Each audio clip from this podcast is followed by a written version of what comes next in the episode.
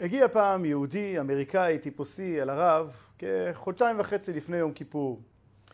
הוא אומר לרב, אני, אני צריך את הרב לכמה דקות, יש לי שאלה מאוד מאוד חשובה, אני ממש זקוק לעצה טובה מהרב, להכוונה מהרב, שאלה שמאוד מאוד מטרידה אותי. אמר לו הרב, בבקשה, איך אפשר לעזור? אמר לו הרב, אתה מכיר אותי, נכון? אני מגיע כל שנה ביום הכיפורים לבית הכנסת, אני מגיע לכל נדרי, אני נמצא בנעילה, אתה יודע כמה זה יקר וחשוב לי היום הזה, כמה אני מחובר אליו, כמה אני גאה ביהדות שלי, ו- ו- ויום כיפור אצלי הוא קודש קודשים, שבת שבתון. אמר הרב, בטח, אני מכיר, זוכר, מוקיר. אמר לו, אומר לרב, אבל אה, אתה יודע, יש, יש גם אה, תחומים נוספים בחיים שאני מתעניין בהם, בין היתר, אני מאוד מאוד מתעניין בסופרבול האמריקאי, אה, הוא אוהד קבוצה מסוימת, וזה גם כן תחום שמאוד קרוב לליבי. אמר הרב, כן, אני מכיר הרבה יהודים טובים שמחבבים את התחום, את התחום הספורט הזה. איפה השאלה, איפה הבעיה? הוא אומר לרב שוב, הרב, אתה יודע כמה, כמה כל נדרי יקר וחשוב לי, אתה יודע שאני נמצא פה תמיד. כן, כן, כן, אני יודע. אומר לו, הרב, אני לא יודע איך זה יצא, הקדוש ברוך הוא סובב ככה. איך שאני בדקתי, אני רואה שאני נמצא במבוכה גדולה. השנה, הגמר, משחק הגמר של האליפות הסופרבול, הולכת, נופלת, הגמר נופל בדיוק ביום כיפור, בזמן של כל נדרי. וואי, וואי, ואני לא יודע מה לעשות. יום כיפור זה, זה מעל הכל, זה ברור, אין, אין, אין שאלה בכלל. אבל, אבל אני לא יכול להפסיד את המשחק הזה. מה עושים, כבוד הרב, מה עושים? אז הרב ככה חושב, אומר לו, חושב בקול, אומר לו, אולי אפשר להקליט את זה. מה, הרב? זה גאוני, אפשר להקליט את כל נדרי? אז אנחנו מתכוננים ליום הכיפורים, ויום כיפור הוא יום שכמעט אין יהודי שהוא לא נוגע בו. מדברים כאן בארץ על אחוזים גבוהים מאוד מאוד שמציינים את היום, אחוזים גבוהים שצמים ביום הכיפורים. כבישי ישראל ריקים ביום כיפור, זה מחזה מרהיב, תמיד במוצאי הכיפור מגיע, מגיעות תמונות מתל אביב. אז מה הסוד של יום כיפור, שהוא ככה קרוב ומדבר לכל יהודי כמעט? מה התוכן שלו? מה העומק שלו? למה דווקא יום כיפור? ומה זה בכלל הדבר הזה שמגיע יום בשנה ויש אה, סליחה וכפרה. הרבה אנשים תוהים לגבי כל הקונספט הזה של עשרת ימי תשובה, ראש השנה, יום כיפור, שכאילו כל השנה אנחנו עושים מה שאנחנו רוצים. אז מגיע עשרה ימים כאלה, בעיקר יום כיפור, אנחנו מגיעים לבית הכנסת, אשמנו, בגדנו, והכל נמחה לנו, הכל נסלח, ועוברים הלאה. אה, הרבה הרבה אה, חשים איזושהי אי נוחות לגבי הקונספט הזה, שיש פה איזשהו אלמנט של צביעות, של חוסר עקביות. אנחנו משחקים כאילו ב- ב- ב- בימים האלה, ו... ואחר כך אה, חוזרים לחיים הרגילים ו... ו... וחוזר חלילה. מה המשמעות של זה? אז למה יום כיפור כל כך קורה לכולנו? ומה באמת המשמעות של יום שמכפר על העוונות שלנו? עיצומו של יום הכיפורים מכפר. מספרים שהיה חסיד של הרבי הרביעי של חב"ד, האדמו"ר המהר"ש. היה לו חסיד שהוא היה גם חסיד גדול מבאי ביתו, מבאי חצרו של הרבי, וגם איש, איש עסקים, סוחר מצליח. וכיוון שהוא אה, אה, החזיק בשני כובעים של חסיד ושל סוחר, אז היו לו גם שתי קולקציות ביגוד. וכאשר הוא היה במרקט, בשוק, בביזנס, הוא היה עם בגדי הסוחר. כאשר היה מגיע לחצר בלובביץ' של האדמו"ר מהר"ש, היה לובש את בגדי החסיד. כך החזיק באמתחתו תמיד שתי קולקציות. בהזדמנות אחת הוא, הוא אמר לעצמו שהוא הוא, הוא, הוא חש אי נוחות עם, ה, עם הזהות הכפולה הזאת. הוא החליט שהוא חייב לעמוד אה, מול המראה, להישיר מבט ולהגיד מי הוא. הוא החליט, בפעם הבאה הוא הגיע לחצר של הרבי עם בגדי הסוחר, וכך הוא נכנס ליחידות לאדמו"ר המהר"ש. כשהוא היה ביחידות, אמר לו הרבי, כשהוא ראה את ההופעה החדשה שלו, אמר לו, אתה מתאר לעצמך שידעתי שאתה מחזיק שתי קולקציות, וידעתי מכל הזהות הכפולה הזאת כביכול. אבל האמת, שאני חשבתי, אני עדיין מציע לך, שאם אתה צריך לבוא ולבחור בין הזהויות, היית צריך לבוא עם הבגדים של החסיד, זה אתה. זה אתה האמיתי. אתה גם סוחר, אתה גם עוסק בזה, וזה בסדר גמור שיש לך בגדי סוחר במסחר, זה בסדר גמור, אבל לא להתבלבל איפה הלב, איפה הזהות האמיתית שלך. וכך גם נאמר מיד בפתח הדברים בנוגע ליום כיפור.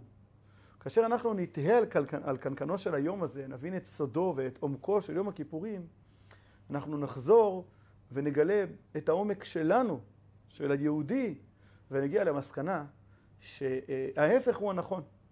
עשרת ימי תשובה, עשרה ימים הללו, ובעיקר יום הכיפורים, אלה הרגעים של הזהות הכי הכי עמוקה שלנו. וכל השנה אנחנו לובשים את הבגדים של הסוחר, ו- ומבחינת המינון של הזמן זה הרבה הרבה יותר זמן בשנה. זה לא אומר שזו הזהות האמיתית שלנו.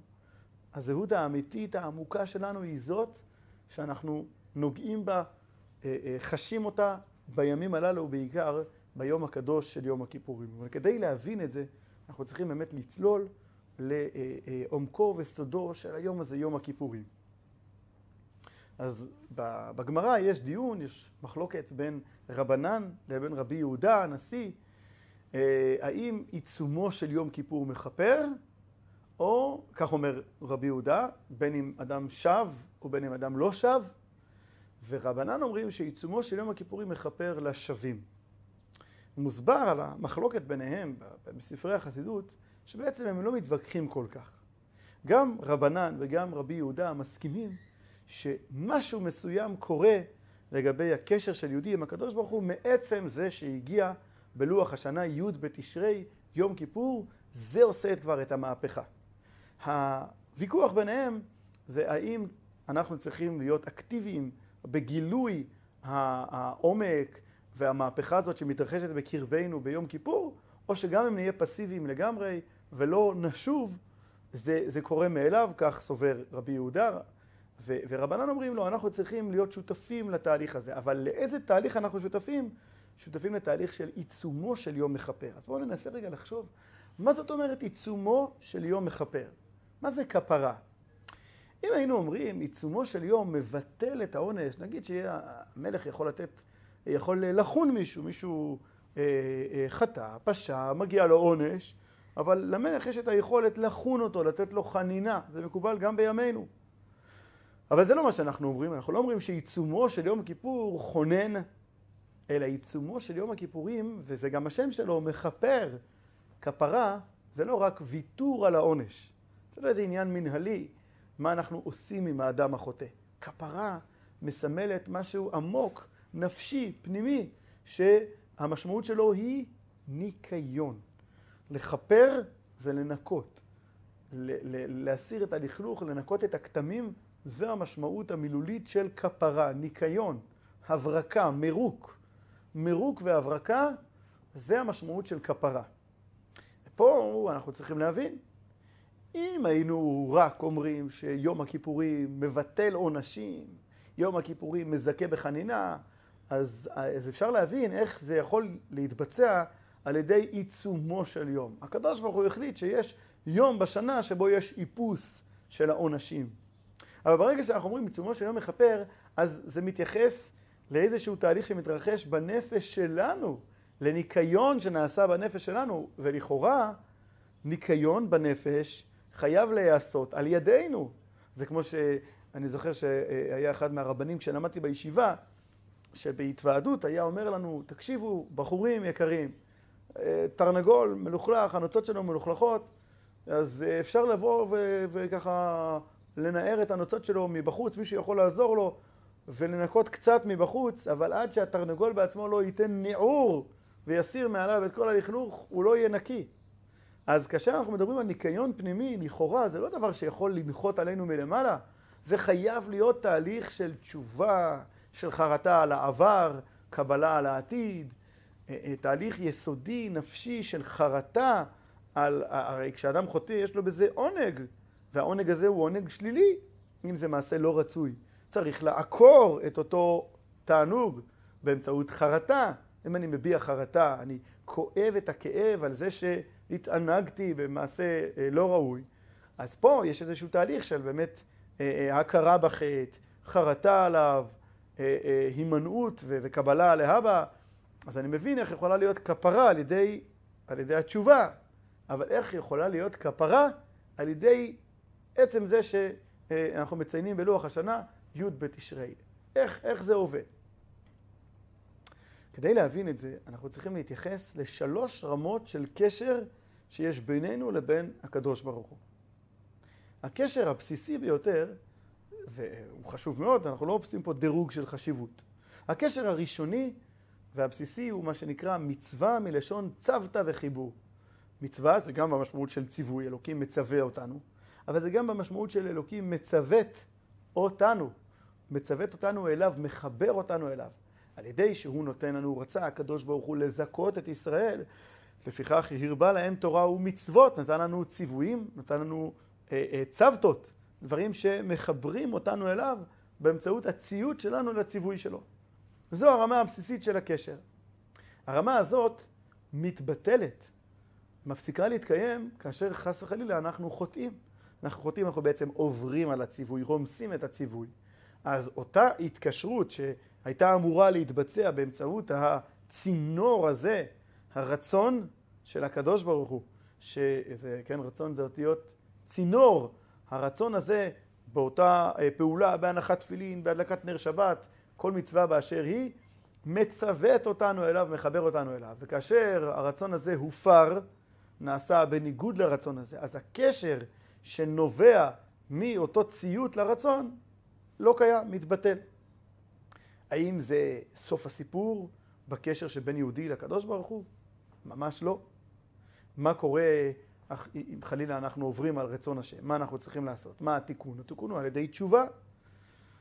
אה, כן, נכון, אנחנו אומרים, כתוב בתלמוד, בקשר לשמחת בית השואבה, אלו ואלו אומרים, אשרי מי שלא חטא, ומי שחטא, ישוב, ישוב ויתכפר לו, וימחול לו.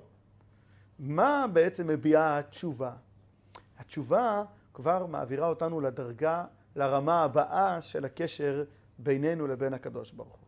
אילו כל הקשר שלנו היה, בא, היה אה, נובע ותלוי אך ורק באותם קיום מצוות, ברגע שעברנו על המצוות, הקשר הזה היה נגמר ולא יכולנו לחדש את הקשר. העובדה שאנחנו יכולים לחדש את הקשר באמצעות תשובה, מוכיחה ומורה, לוקחת אותנו אל עבר דרגת הקשר העמוקה יותר שיש בינינו לבינו. זה לא נגמר בזה שעברנו על הרצון שלו. אנחנו יכולים לחדש את הרצון שלו על ידי שאנחנו מתעלים למדרגה גבוהה יותר בקשר בינינו. הקשר בינינו לא תלוי רק, רק באם נקיים או לא נקיים. הוא בהחלט מקבל חיזוק, הוא בהחלט מקבל אה, המחשה ומימוש ו- ו- וביטוי ב- ב- בחיים שלנו על ידי קיום המצוות. אבל גם כאשר הקשר הזה נעדר באמצעות דרגה של קשר גבוהה יותר, שזה נקרא תשובה, אנחנו מחדשים את הקשר, וזה בגלל שיש בינינו רמה עמוקה יותר של התקשרות. אבל גם הרמה הזאת היא לא רמה של קשר של כמו דבר אחד עם עצמו. קשר עצמי, כפי שזה נקרא בחסידות. זה עדיין דרגה של שני אלמנטים שמתקשרים זה בזה. רק כשאנחנו אומרים שיש דרגה של התקשרות שתלויה בכלל באיזשהו מעשה נוסף שקושר בין שני האלמנטים, ויש דרגה עמוקה יותר שגם כאשר המעשים הללו לא יתקיימו, אז קיימת אה, אה, צורה עמוקה יותר של, של אה, קשר, וזה שבא לידי ביטוי בתשובה, בחרטה, כן, שזה כבר איזשהו ביטוי מסוים.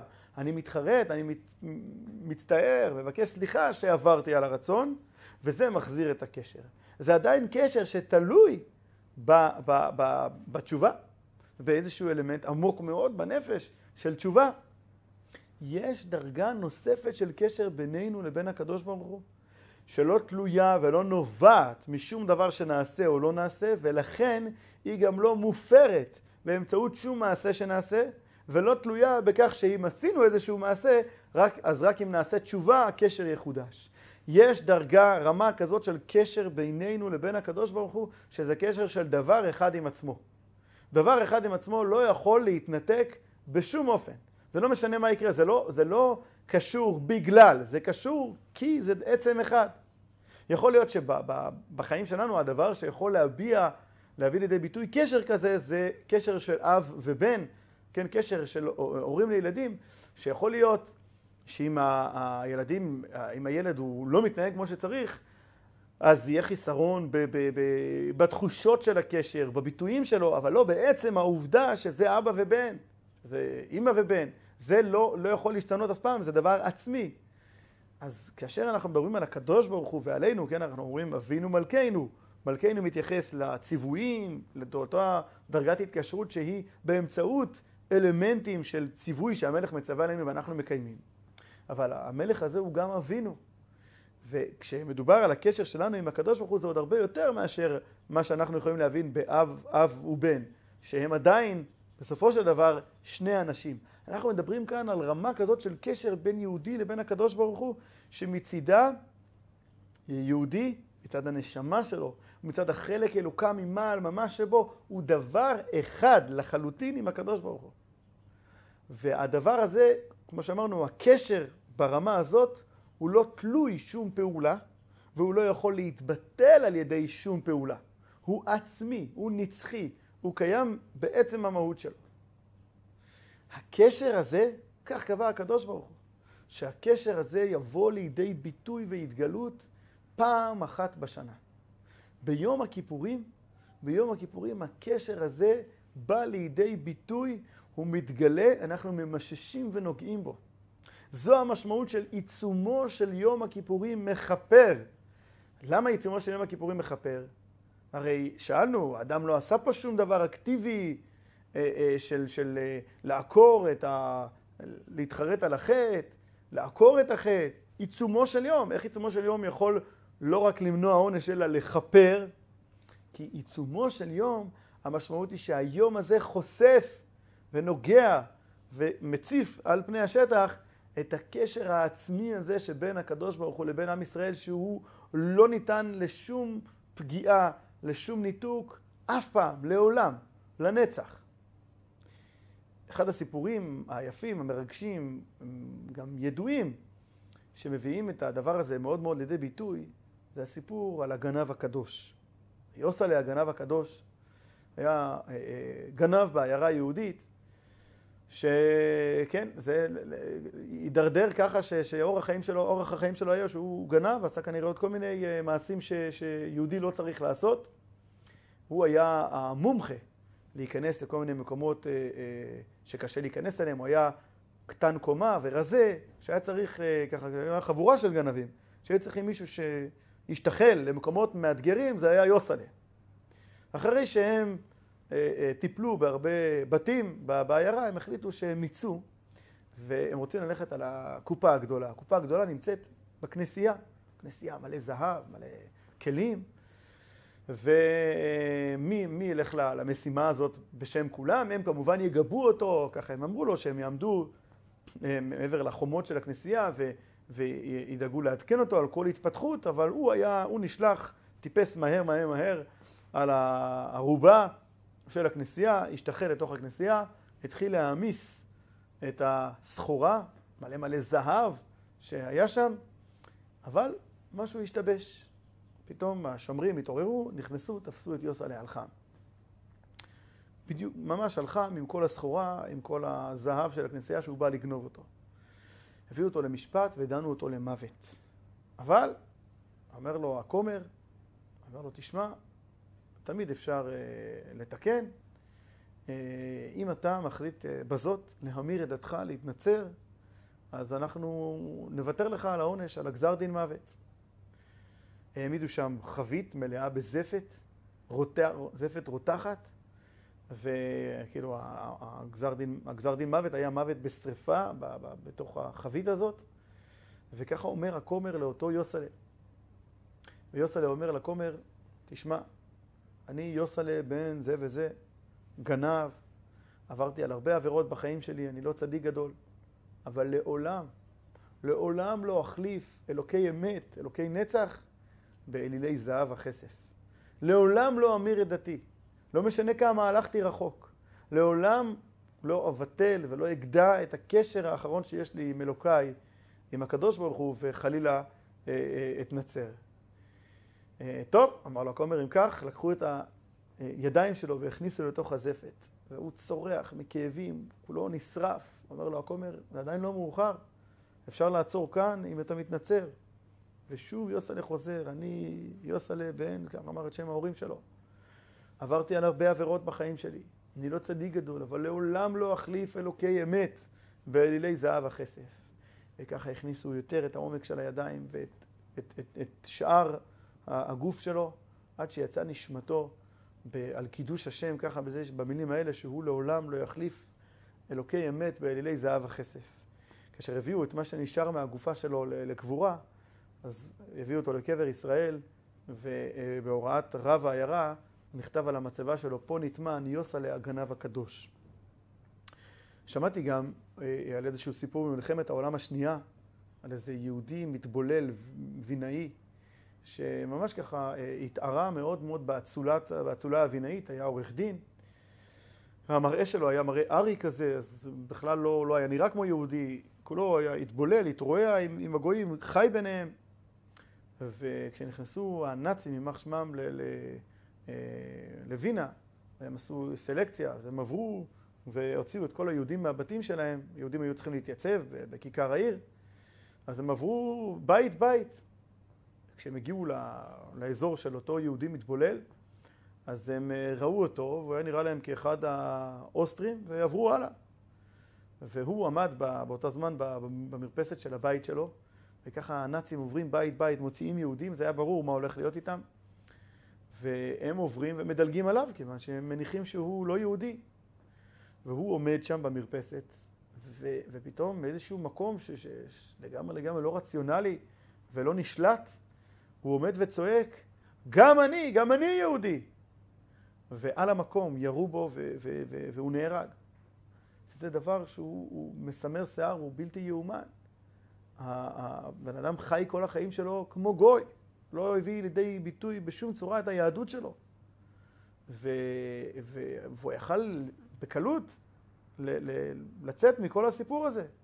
אבל איזשהו דבר לא רציונלי, למעלה מטעם ודעת, חזק ממנו לגמרי, לא נתן לו, לא נתן לו שהחיים שלו ינצלו בכך שיפסחו עליו כמי שאינו יהודי.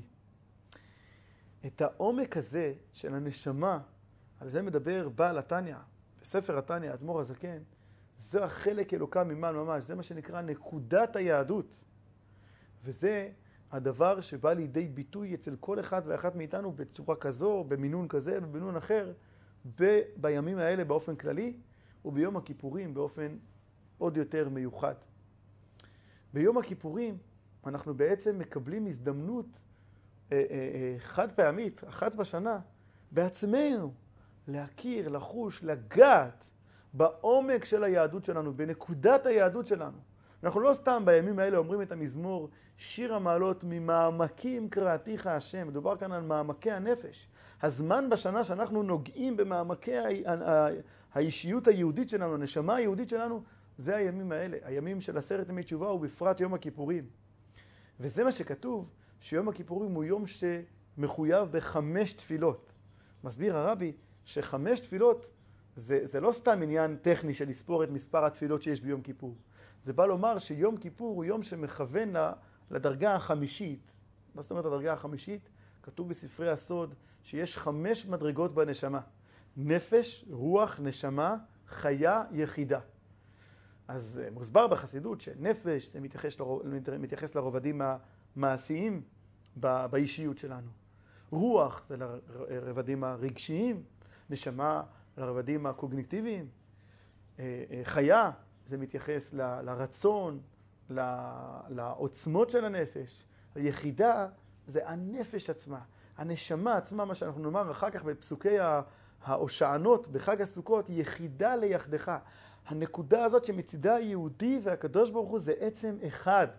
זה עצם אחד. מצד הנקודה הזאת יהודי הוא מאמין. לא, בכל מצב שלו הוא יהודי מאמינים בני מאמינים. הוא מוכן למסור את נפשו כמו יוסלה הזה, כמו היהודי ההוא בווינה. זה העומק של יום הכיפורים, זה הסוד של יום הכיפורים.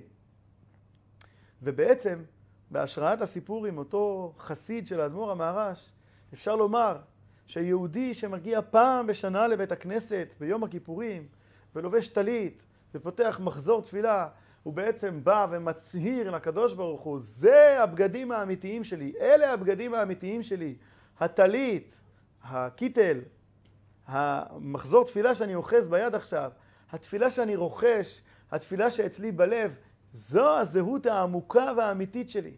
זו ההכרזה שיהודי מכריז ב- ביום הכיפורים באופן כללי, ושיא השיאים זה בזמן הנעילה.